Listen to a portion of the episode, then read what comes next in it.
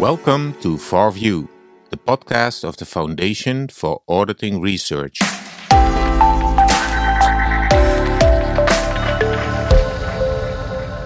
Welcome, dear listeners and viewers. Today we have uh, three guests in our podcast. Uh, well, that never happened before, I think. Uh, so we welcome Anna Gold, Dominic Detzen, and Marshall Geiger. And they're member of a research team examining auditors' going concern decisions. And in the study we're going to discuss today, they particularly used actual insights from practice, which is kind of uncommon. Uh, so before we start off, uh, maybe you can briefly introduce yourself, uh, Anna. Sure. Um, so my name's Anna Gold. I'm a professor of auditing here at the Vrije Universiteit. Um, this is uh, one of my FAR projects that I'm working on. I've uh, I also work on some other FAR projects, so I'm very grateful to the FAR for uh, allowing us access in this way to uh, audit practitioners um, and research data. Uh, yeah, I do research. I teach auditing here at the Vrije Universiteit at the master level, supervised thesis. Okay, thank you. Dominic? I'm, I'm Dominic Detzen. I'm uh, a colleague of Anna's at uh, the Department of Accounting at Vrije Universiteit. I'm an associate professor of accounting. Um, and uh, I also teach on a bachelor's and ma- master's level, uh, mostly financial reporting, but uh, since this year also in auditing. And I guess in my research, I mostly look into, uh, you know, also auditing financial reported, reporting related issues, mostly using qualitative methods. And I guess that's also what brought me into this research team. Okay.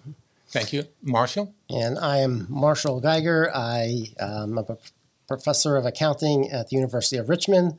I do a lot of um, auditing research and I teach in research as well in um, financial reporting. So I guess this is my second FAR project. So I am very grateful that they're also interested in going concern, which is something I've been interested in for way too long now, several several decades. Oh, that's that's a long time. Well, actually, your fourth group member, research team member, is Philip Wallage. He's he's not here today, but uh, well, he's here, but he's not in the podcast. Um, well, you previously already did a going concern project for the FAR. That was without Dominic, I think. Yep. So that was Anna and Marshall and, and Philip. Was another one involved? Yes. No, that was no. it. So so how does this this current study we're going to talk about uh, relate to the to the literature review you did? So. Um, the first project that we did with the FAR, that literature review, was really, in my mind, I guess, a continuation of the literature review that was in um, published in the journal um, Auditing a Journal Practice and Theory in 2013 um, as part of a bigger litany of issues in auditing that um, the AAA wanted um, literature reviews on. So um, the FAR had asked for proposals in I think 2017. So we applied, and we're lucky enough to be asked to um, pick that up. So we did that literature review, and um, eventually that was published in a uh, research monograph. I think it was published in early 2021, um, and it um, extended the um, review of the literature from the 2013 um, publication onwards. So, I mean, I thought there'd be, you know, several papers, not nearly as many papers as there actually were. Um, so we had probably twice as many papers as I thought we were going to have to review in there. So um, a lot of work. But in that process, um, certainly it was um, very salient that a lot of the research was archival, empirical. I mean, there were some um, experimental papers in there, but the vast majority of the papers were um, archival. And um, you know, I'm guilty of this. Um, most of my work is archival as well. But what became pretty obvious is that um, we really don't know. We make a lot of assumptions in those archival studies about how going concern opinions are made you know, what are the determinants of going concern opinions and so on. And um, some of that is really just kind of blind assumptions because we don't have a very good um, understanding. So, pretty much the ones that I can remember that actually interviewed practitioners was back in the 80s.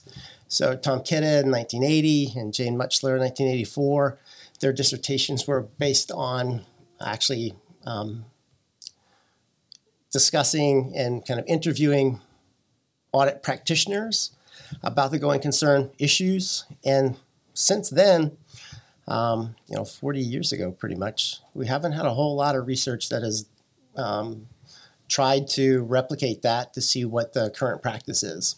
So that, that was the genesis for this second proposal. So, so why why was now the moment then to to start this study? Well, I think it was a great springboard um, after that literature review um, to say here is uh, a real gap in the literature for us to um, look more qualitatively at how our decisions actually made um, to contribute to the, that whole literature stream, and hopefully, as kind of we'll talk about, I think in a little bit, how to inform future research as well. Mm-hmm. And well, why is that important? Well, I mean, going concern is fundamental. So, I mean, but why, why are the interviews important to add knowledge? Oh, um, because we don't know whether the assumptions that we make are accurate. Most of the literature assumes that auditor, lead auditors, um, make those decisions by themselves. And um, we just look at correlates of that. But um, we found that um, in our process that that typically is not the case. There's a whole lot of actors um, involved with that decision, and some of the things that we um, simplified in earlier research, um, maybe we should really kind of go back and look at expanding you know that notion of who actually makes the decision. Yeah. Um, so that was eye opening for me. So was that driven by by practice comments or? Um... I mean the um, the importance of the topic mm. has been there for a long time, I think, although it kind of flares up uh, every now and then. Um, and during recent COVID times, I mean, that was pure coincidence because I think we were already mm. working on the project when, when COVID hit, but that has made it even more clear how important the issue is uh, with companies running into uh, financial distress. Um, in this case, due to COVID, but then also the war in Ukraine hit, and we see that in the interviews as well. That that was another trigger for many companies to uh, run into to problems. And then we know what will happen is that the, uh, the, this this has an effect on on the financial statement audit because one of the responsibilities of the auditor is to also provide an opinion um, if there is uh, material uncertainty about the continuity of the firm. The the, the auditor should um, issue an emphasis of matter paragraph, which we call the going concern opinion. Mm-hmm uh, it's become even more important now uh, here in the Netherlands, um, as, as practitioners know, for public interest entities. Um, all reports, audit reports, have to now include a paragraph on going concern and fraud, for that matter, um, regardless of whether there are material uncertainties. So, so I think one can safely say the the topic is is more relevant uh, than ever, even though I'm mm. not sure that was actually the driver behind you know our choice to look at the issue because we we thought it was interesting even before all this happened. But that puts uh, going concern opinions even more in the spotlight. Mm-hmm. And I guess one additional thing that you also, the two of you, uh, as well as Philip, uh, conducted was this this focus group. That was also a major impetus to, to, to show how much appetite there actually is to enable some kind of exchange and correspondence between the firms, but also between practitioners on, on the whole topic, and vice versa. I guess uh, you know if I recall from from watching the, the video of the focus group, how um, you know there were some kind of mismatches between certain research findings that did not resonate as well with with practice, and also vice versa that actually research could inform practice about certain issues that uh, that was found yeah. in academic studies. Okay, um, maybe you can tell a bit more about the, well how you studied how you studied this, what what method you used. So we actually started out with uh, you know a, small set of uh, pilot interviews. Uh, so based on our own network, and we've been in touch with the NBR on uh, with their working group on on continuity. And um, based on that, we conducted a number of uh, pilot interviews to get sort of a sense of what is actually going on, what are the, the issues that, that drive these kinds of decisions, and who is involved, and what are sort of the procedures, broadly speaking. Um, and then in the next step, actually, the FAR was uh, very helpful in terms of uh, helping us identify people that uh, could fo- inform our study. And so from from that point onward, we identified, uh, you know, in total uh, 39 uh, interviewees that we eventually talked to, um, and these ranged from, you know, basically nearly all the participating firms in, in, in the FAR. Um, and they were of uh, you know different function levels, but also of different uh, capacities. So some of them were involved in the going concern panels uh, that some of the firms have. Some of them were involved in the national office or technical departments. Some of them were uh, specialists, um, and I guess the large majority of uh, the people that we interviewed were audit practitioners. Um, and those were mostly, I guess, at the you know director and partner level. Only very few uh, people that were senior manager level. Um, but based on that, uh, we went out and interviewed 39 people and asked them, you know, how they do this in their in their practice, in their audit practice, and how they experience that that difficult decision. So, so, so the firm selected the people you could talk to. It, exactly. So we did give uh, some indications, obviously, in terms of who we wanted to talk to. Uh, and I guess one thing that we also realized that this was not something that each and every auditor has experienced in their career. So it's rather that uh, you know this is a very unique situation that you have. So we're really you know as I like to say in the, in the tail end of the distribution that uh, you know in, in, for the large majority of firms things are actually going well. And then for you have a smaller set of firms uh, for which you know things are not looking as rosy. Um, and there, sort of going concern really plays a role, and you need to go through the formal going concern assessment.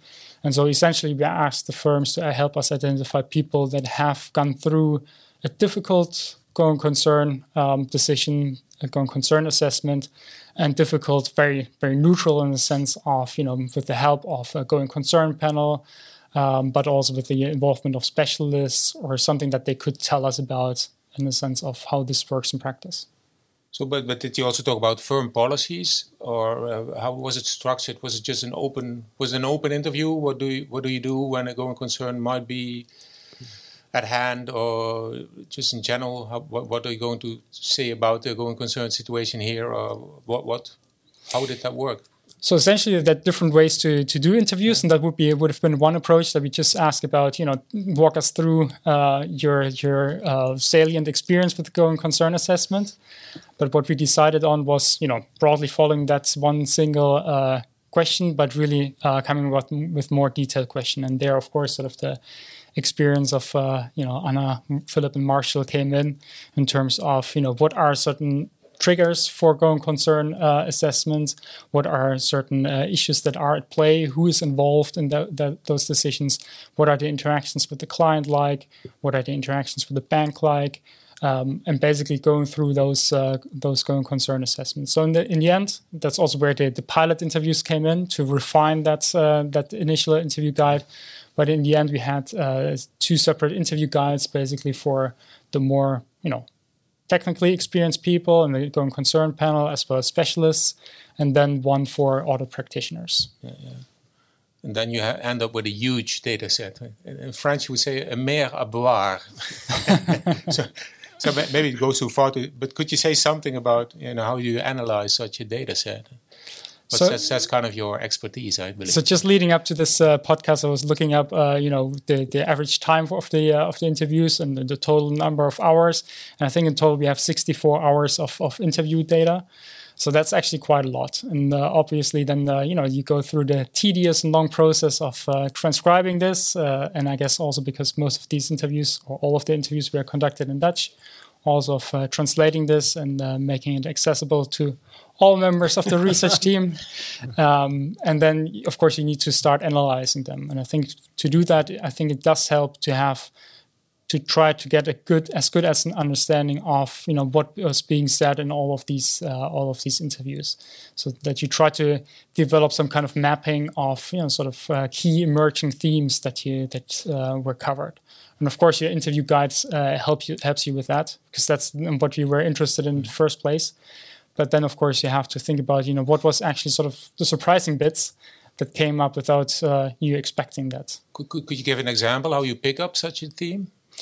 I guess one of the things that uh, we also picked up was, uh, you know, that in the in, in, literature there's quite a bit of discussion about the self-fulfilling prophecy, uh, in the sense that if auditors actually issue a going concern opinion, um, that as, is actually sort of the final nail in the coffin of the company, in the sense that then ultimately the company goes bankrupt. But that's something that auditors told us uh, they have they generally do not experience in, in practice. So, if anything, the self fulfilling prophecy might be invoked by the clients uh, to say, well, please don't issue such a going concern opinion. But it's not that uh, auditors uh, can tell, well, you know, if we sort of really issue this going concern opinion, then indeed the company is going bankrupt. I think J.B. Bosman also found that in his uh, yep. analysis, right? Well, you also have a theory involved in the in the, in the, in the study that you use. Uh, uh, well, I think the basic idea is that there are several phases in the decision-making process. Uh, could you tell a bit more about that? Yeah, so basically, uh, and I guess that also resonates with the, the, the themes that I was just talking about. So once you have identified a certain set of uh, research themes and, and broader topics that are being discussed in the interviews, you try to make sense of it because otherwise I think that would be you know boring for an academic readership to just read about sort of what uh, person A said, what person B said, and so on. So I think the key thing is to actually draw on a, a certain theory that makes sense of what you actually find in these interviews, and to structure those uh, you know insights conceptually. And what we ended up doing is, uh, more tentatively, uh, we draw on uh, what is called an actor network theory uh, that really looks at how a certain focal actor draws on other actors in a particular decision. So, how a certain actor mobilizes a certain network to come to a good decision ultimately. And I think that resonates quite well with what we're seeing in the going concern uh, arena in the sense that we have this usually engagement leader together perhaps with a senior manager or director um, and they actually need to come up with a very difficult decision. And they, as Marshall already said, they don't do that uh, themselves, but rather what happens is that they draw on the whole network of relations within their firm. So it might be that national office and the going concern panel is involved. It might also be that um, restructuring specialists mo- mostly are involved. But at the same time, you, they also need to manage the relations with uh, clients. They also need to re- manage relations uh, potentially with investors and, and banks, quite often through the client. Um, but then again, for the client, they also have sort of uh, the board of directors as well as management. So there's this whole network of relations uh, involved in this uh, in this going concern decisions, and those relations need to be managed and coordinated and that's where this theory actually helps us uh, to make sense of what we're seeing mm-hmm, mm-hmm. so the, the research questions were quite broad there were no hypotheses or yeah so that's yeah. Uh, perhaps also sort of something important to say yeah. it's not the, the, the, nature of qualitative research is not that you set out uh, certain hypotheses that you seek to confirm or reject but it's rather that you ask certain how questions and then go out into the field, as they call it, to answer that question. So, quite often people uh, perceive um, interviews, qualitative research as exploratory, that only helps to pitch certain quantitative research questions or quantitative hypotheses. But that's also not the case. I think the main benefit of interviews is really that you get in depth insights from practice on a specific phenomenon. And so, in that sense, that's also what we try to do. As Marshall said, this is, has really been a black box in the sense of we don't quite know how these decisions are actually taken in practice. And so, what we actually sought to answer was really that question: Well, how is that done in practice? And I think that was sort of our, you know, simple research question, and we now seek to define that, uh, refine that based on our theory, and really ask, you know, how are these engagement leaders drawing on a certain network of relations and different actors to actually exercise professional judgment, because that's essentially what it is, to exercise professional judgment in such a difficult, complex uh, situation, such as a going concern decision. Yeah. I think this this kind of research, this type of research, is getting more accepted, um, or not? Hopefully. well, uh, you see more interview studies in the past decade, I think, than before that, right? Yeah, yeah, uh, definitely, yeah. Okay. Well, then we have the findings, of course.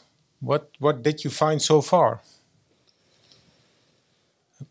Yeah, I think the bulk. Of course, we're, we're we're just starting out the analyses, so so uh, we're still at the stage where we're trying to map uh, our f- empirics or our findings, basically the interviews, to uh, to this theoretical framework. So we've identified these different phases on the basis of um, actor network uh, theory. Uh, we've also identified the different actors. Um, so, as Dominic mentioned, the uh, engagement leader, uh, national office or the GCO panel, various types of specialists, the client, of course, and stakeholders, uh, uh usually uh, banks in this context. Um, and then basically, we look at you kind of get a sort of matrix you know between those different phases. So uh, ranging from uh, at what point do you as the engagement leader identify triggers uh, with the client that you know might lead uh, to ultimately to a going concern opinion or at least triggers you to look into the issue and gather more information. So at what point is a trigger important significant enough for uh, the engagement leader to to mobilize that network, um, as theory calls it. So that that is one stage, and then the next stage would be to to actually huh, identify the needs, identify the roles that need to be involved, um, and then actually the uh, the the uh, stage where um, evidence is gathered uh, through different channels, and the final stage, which is that is really the one that we see um, most prominent in the archival literature because all we can see there is uh, does the auditor issue a going concern opinion or not, uh, which turns out also to entail quite some complicated uh, processes and a lot of application of uh, professional judgment um, because whether an uncertainty is material or not you know that's where a lot of professional judgment comes in and a lot of deliberation with those various actors. So basically those four different stages um, as sort of columns as we've mapped it now, and then the rows would be the actors, and then per cell we kind of on the basis of the interviews uh, we try to identify themes that we see in those um, in those cells. Um, so uh, just just to to give an example. Uh, one of the one of the issues that comes up is, um, you know, at what stage do you actually decide that you need the involvement of a specialist? Um, and to what extent do you involve that specialist in in decision making? You know, one of our in, interviewees talks about buckets, uh, you know, that you might have the bucket where you just have a call with a specialist and just inform them and kind of spar a little bit. Uh, another stage would be where you ask them to do some more activities, and a third stage or bucket would be where you actually make them part of your team. Um, and that, of course, has lots of um, consequences for, for the final outcome, which is, again, the only thing that we can see if we look at uh, the archival literature. And here, we now have the opportunity to look into that black box and see how those processes uh, look like. Mm-hmm. So, so the, the firm policies are not really strict then. The, the firm policies are actually fairly strict, is I, I would say. I mean, there's there's some variation, but basically all the firms um, have policies in place in terms of, especially when it comes to once there is a trigger, um, they have to go through mandatory consultation um, and they have to involve specialists. How it's then being, uh, you know, in, implemented. Yeah, they say, well, this is not a trigger. so you need to define then. Is that what's going on? That they don't really know when the moment comes that they need to undertake action or involve a panel or that that could could be something. I mean, that's something that we anticipated that that they might struggle with it, and and they do in some cases. But uh, I don't know. I mean, it's too early to give really de- definitive, um, you know, f- uh, findings. But but one thing that we notice is that uh, the way they describe it is that they're fairly quick in seeking advice uh, and seek, seeking specialist help, seeking uh, help from um, you know the technical department and uh, peer partners that have more experience uh, with these things. So, and that's where this whole network idea comes in as well. You know, there hardly ever. I mean, there are some exceptions, but in most cases, they really activate that network, and and they do so as a result of that uncertainty. So, so that's a very very valid question you're asking. You know, how do you know when something is a mm. trigger? Yeah, sometimes they don't, and that's exactly when they need to uh, involve uh, others to to um, to to help. Mm-hmm. And I guess ultimately, what we also need to keep in mind is that uh, you know audit practitioners are also, of course, professionals.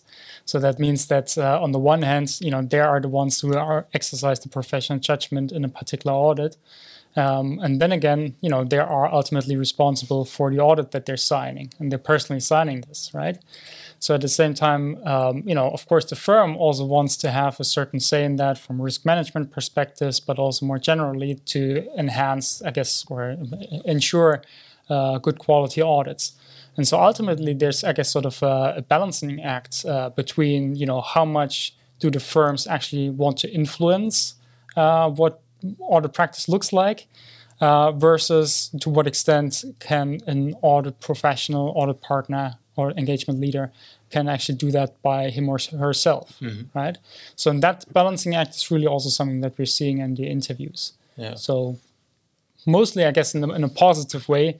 That quite often, uh, you know, things are meant in a proactive way in terms of, you know, if you need any help, we are there to help you. But also vice versa, that engagement leaders say, well, you know, I'm facing this very difficult situation. I'm going to reach out to either fellow partners or national office to discuss this. Yeah.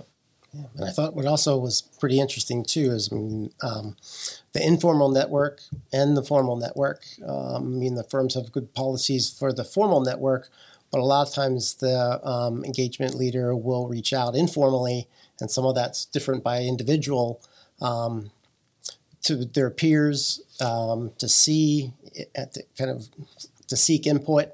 Um, to see if this is a trigger, to see if this is a, a, really serious thing, or you know what else should I be looking at when I see this.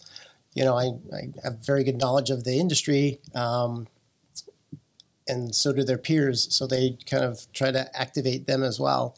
So I think that idea of the, the formal and the informal network that um, gets activated um, was really pretty interesting and very robust. All right. More examples?